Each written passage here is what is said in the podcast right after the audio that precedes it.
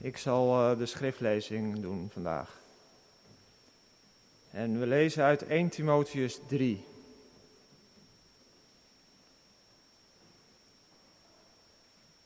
Dat is de eerste brief van de apostel Paulus aan Timotheus.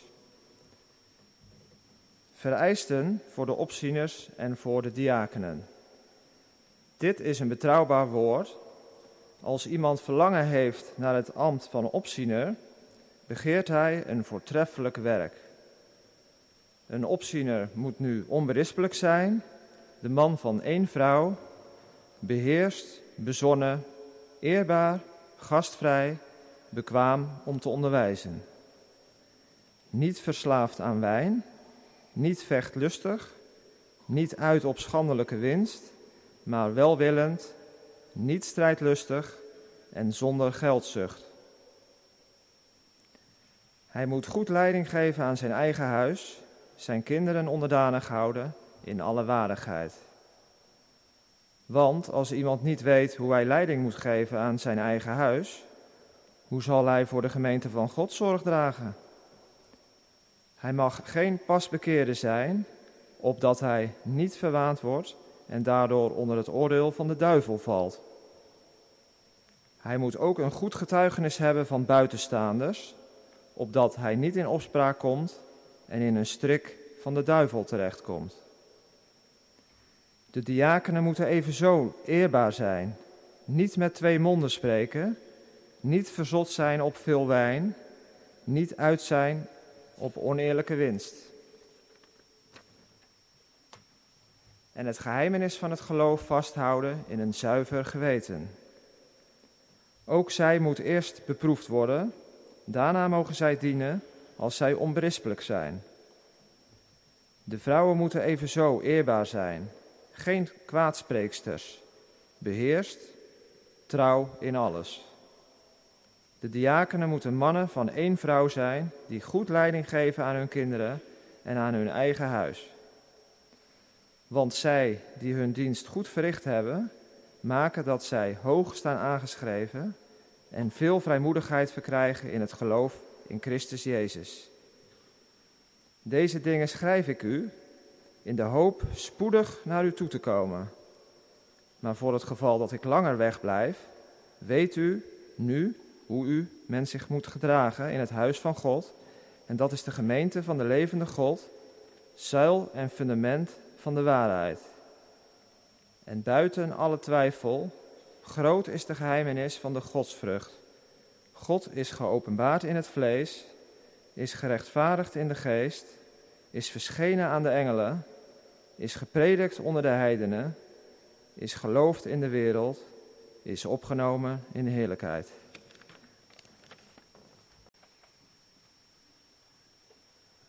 Gemeente van Christus, thuis met ons verbonden hier samen in de Sint-Jan. De eerste Timotheusbrief heeft soms wel wat weg van een kerkorde. Een aantal regelingen voor hoe het in de kerk moet toegaan. Er zijn ook brieven in het Nieuwe Testament waarin vooral het wezen van de kerk wordt benadrukt. Dat is bijvoorbeeld zo in de Efese brief de kerk is daar een bijna hemelse grootheid. Hooggestemd wordt dan gesproken over wat de kerk is en over wat God daarin allemaal doet.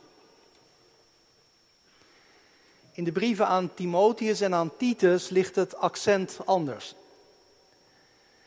De kerk wordt daar niet allereerst getekend als een hemelse grootheid, maar als een aardse organisatie.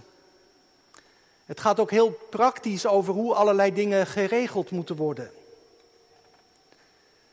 En tussendoor hoor je ook over allerlei gedoe dat daar in de gemeente aan de orde is. Het gaat over eerzuchtige en dronken mannen en over kwaadsprekende vrouwen.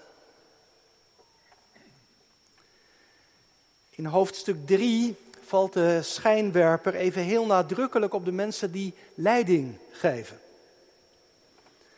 En met name worden in dit hoofdstuk opzieners en diakenen genoemd. Nu kun je die termen niet zomaar overzetten naar onze ambten. Er is best heel veel onduidelijkheid over hoe de eerste christelijke gemeenten precies waren georganiseerd. Opziener, dat was in ieder geval een term die ook in de samenleving van die dagen wel werd gebruikt. Voor mensen die leiding moesten geven, mensen met een verantwoordelijke positie. En het lijkt erop dat de opziener, waarover sprake is in hoofdstuk 3, de leiding had van de gemeente. En dat hij daarbij dan werd omringd door een raad van ouderlingen. Die raad van ouderlingen die kom je in hoofdstuk 4 tegen, vers 14. En naast die opziener was er dus ook sprake van diakenen. En ook die kun je niet zomaar gelijkstellen met onze diakenen. Het lijkt hier veel meer te gaan om mensen die de opzieners assisteren in leiderschap en onderwijs in de gemeente. En voor beide groepen wordt dan een hele lijst met vereisten genoemd. Eigenschappen die volgens de apostel belangrijk zijn om in de gemeente te dienen. Wat mij daarin opviel was dat het geloof eigenlijk nauwelijks wordt genoemd.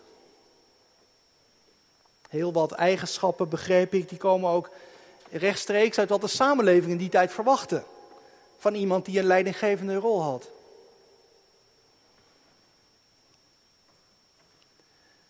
En het lijkt ook wel of Paulus dat zo in de gang van dit hoofdstuk zich op een bepaald moment ook realiseert. Want nadat hij zo een heel aantal richtlijnen en vermaningen op een rij heeft gezet, is het bijna of hij zichzelf in de reden valt. Opeens komt hij met woorden van een andere orde. Woorden die zichtbaar maken waar het in de kerk, in de gemeente ten diepste om gaat. Ongetwijfeld is dit het grote geheim van ons geloof, vertaalt de nieuwste Bijbelvertaling, het begin van vers 16. Buiten alle twijfel, zo staat het in onze vertaling, groot is het geheimenis van de godsvrucht.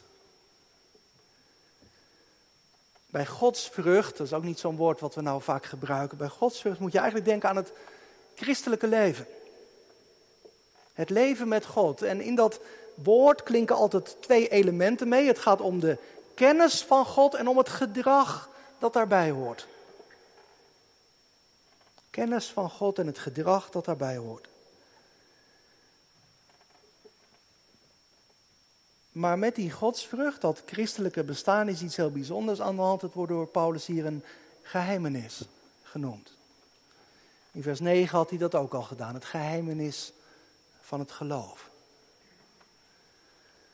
Een geheimenis, een mysterie.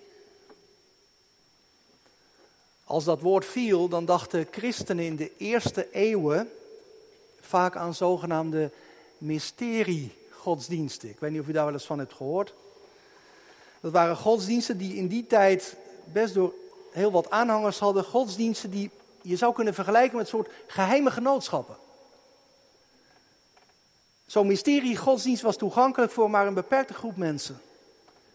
Mensen die speciaal geselecteerd werden en als je dan werd toegelaten, dan stond je nog maar aan het begin. Je moest een inwijdingsritueel ondergaan en daar weten we weinig van, want dat was ook geheim. En ook het dienen van de God die vereerd werd gebeurde door geheime rituelen. En als je precies aan die rituelen hield, was je zeker van de hulp van God.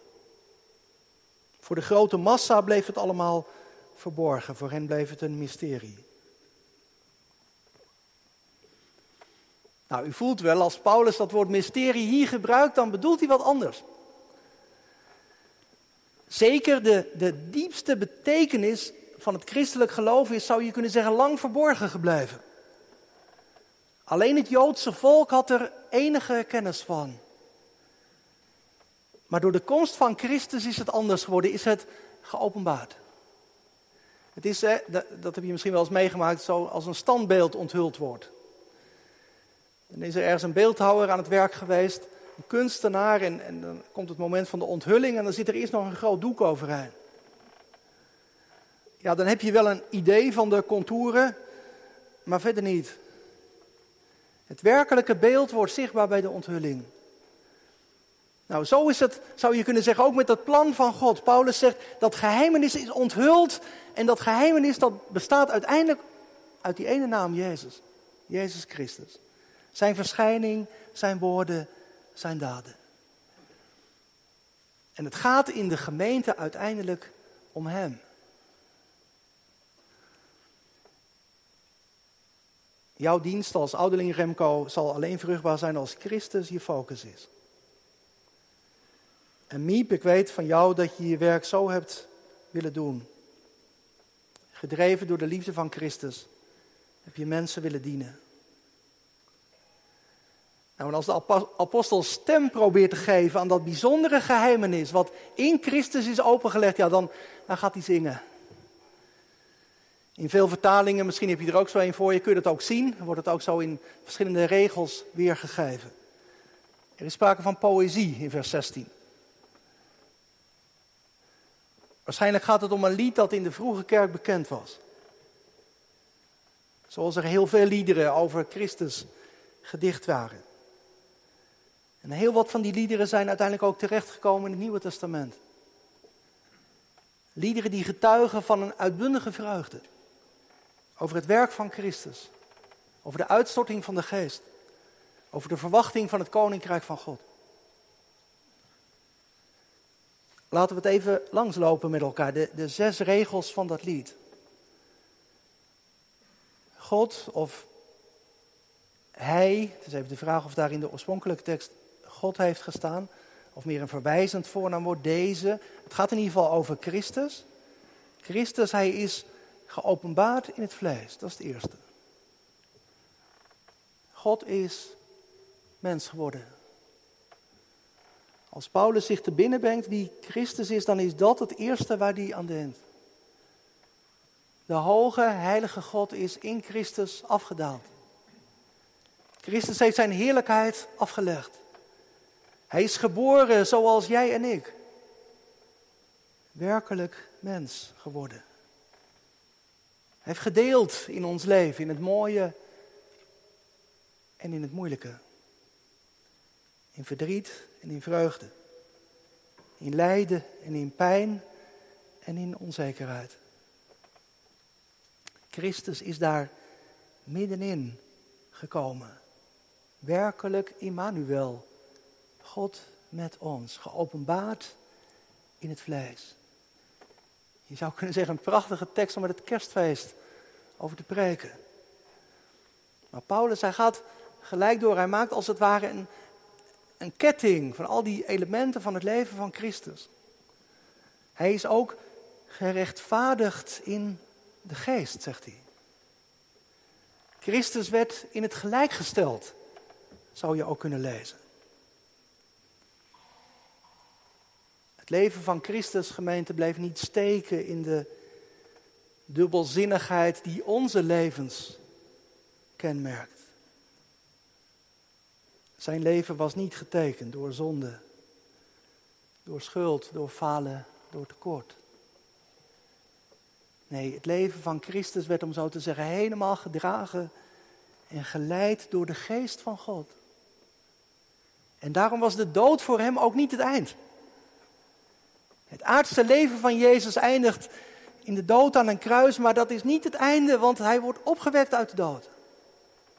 De vernederde wordt in het gelijk gesteld. En overal waar mensen tot op de dag van vandaag Christus herkennen en in Hem gaan geloven, is de geest aan het werk. Christus, Hij is het, in Hem ligt onze redding. Hij is gerechtvaardigd in de geest. Derde regeltje, verschenen aan de engelen. Dat is een beetje een lastig zinnetje, vind ik. U misschien ook wel, want wanneer is dat dan gebeurd, denk je? Moet je dan denken aan het moment dat Christus inderdaad wordt opgenomen in de hemel, wat wij donderdag met Hemelvaartsdag vieren en gedenken. Christus keert terug in de hemel, wordt daar ontvangen in de hemel, toegezongen door de hemelse legers. Ja, dat zou kunnen, maar we zouden niet vanuit de Bijbel heel veel voorbeelden daarvan kunnen noemen dat het inderdaad zo gegaan is. Er zijn er ook wel uitleggers die voorstellen om in plaats van engelen hier boden te lezen. Dat is ook een mogelijkheid. Het woord engel betekent ook bode. En dan zou het misschien gaan om de leerlingen. Jezus die hen ontmoet na zijn opstanding en hen als boden van het evangelie de wereld instuurt. Dat sluit in ieder geval ook heel mooi aan bij de volgende regel van het lied. Hij is gepreekt onder de heidenen. Want na hemelvaart komt Pinksteren. De geest wordt uitgestort. En de leerlingen van Jezus trekken erop uit. Naar de Joden, maar ook naar alle volken. God is in zijn heil grenzeloos geworden. Het evangelie klinkt overal. Het begint in Jeruzalem. Maar het gaat tot het einde van de aarde. En in die beweging, en die beweging die gaat tot de dag van vandaag verder. Miep, vandaag danken wij ook dat jij in die beweging werd opgenomen door je dienst in Sierra Leone. Maar niet alleen jij of de andere zendingswerkers die vanuit ons midden zijn uitgegaan. Wij allemaal worden in die beweging meegenomen, toch? De goede boodschap van redding, van vergeving, van vernieuwing. Dat evangelie van Christus, het moet blijven klinken. En het zal blijven klinken. Het wordt, vijfde regel, geloofd in de wereld. Bijzonder is dat. Het evangelie wordt verkondigd, maar het wordt ook geloofd. Mensen geven gehoor aan het evangelie en stellen hun vertrouwen Christus. Steeds weer nieuwe mensen buigen zich voor koning Jezus. In Nederland, in Colombia, over deze hele aarde zijn er telkens weer mensen die hun hart kwijtraken aan Jezus Christus. Die het geloven, die niet anders meer kunnen dan te zeggen, ja Jezus, zonder u kan ik niet. En tenslotte, zesde regel, hij is opgenomen in heerlijkheid. Het lied eindigt met de verhoging. Christus, hij wordt opgenomen in de hemel, hij zit aan de rechterhand van God. Hij is koning tot in eeuwigheid. Lof zij Christus, die geopenbaard is in het vlees, gerechtvaardigd in de geest, verschenen aan de engelen, gepreekt onder de heidenen, geloofd in de wereld, opgenomen in heerlijkheid.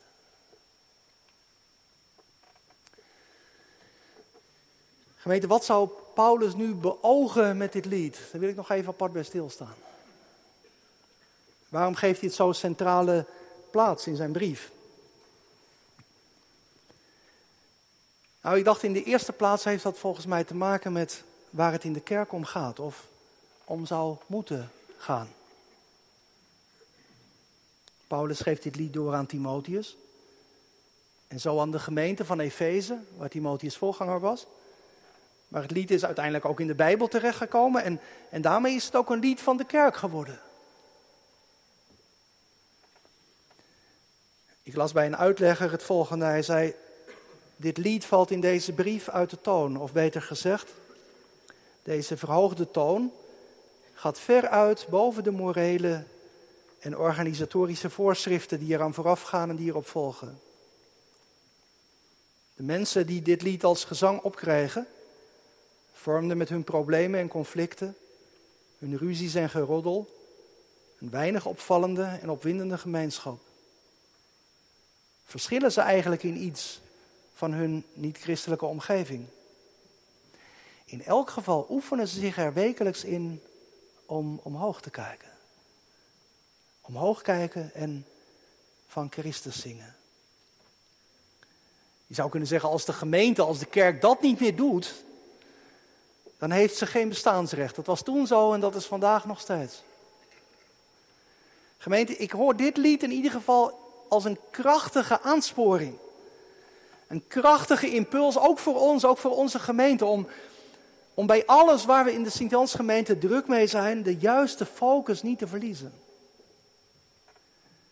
Dat Christus het hart zal zijn van onze erediensten. Dat Christus het voor het zeggen heeft als we een kring hebben. Als we vergaderen. Als we, nou ja, vul maar in. En laten we weer om bidden dat andere kerken en gemeenten ook die gerichtheid niet kwijtraken.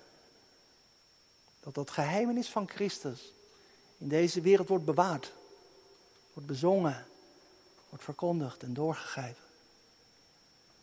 Met de woorden van een ander lied, ook Christus ons van God gegeven, gij tot in alle eeuwigheid de weg, de waarheid en het leven. Gij zijt de zin van alle tijd.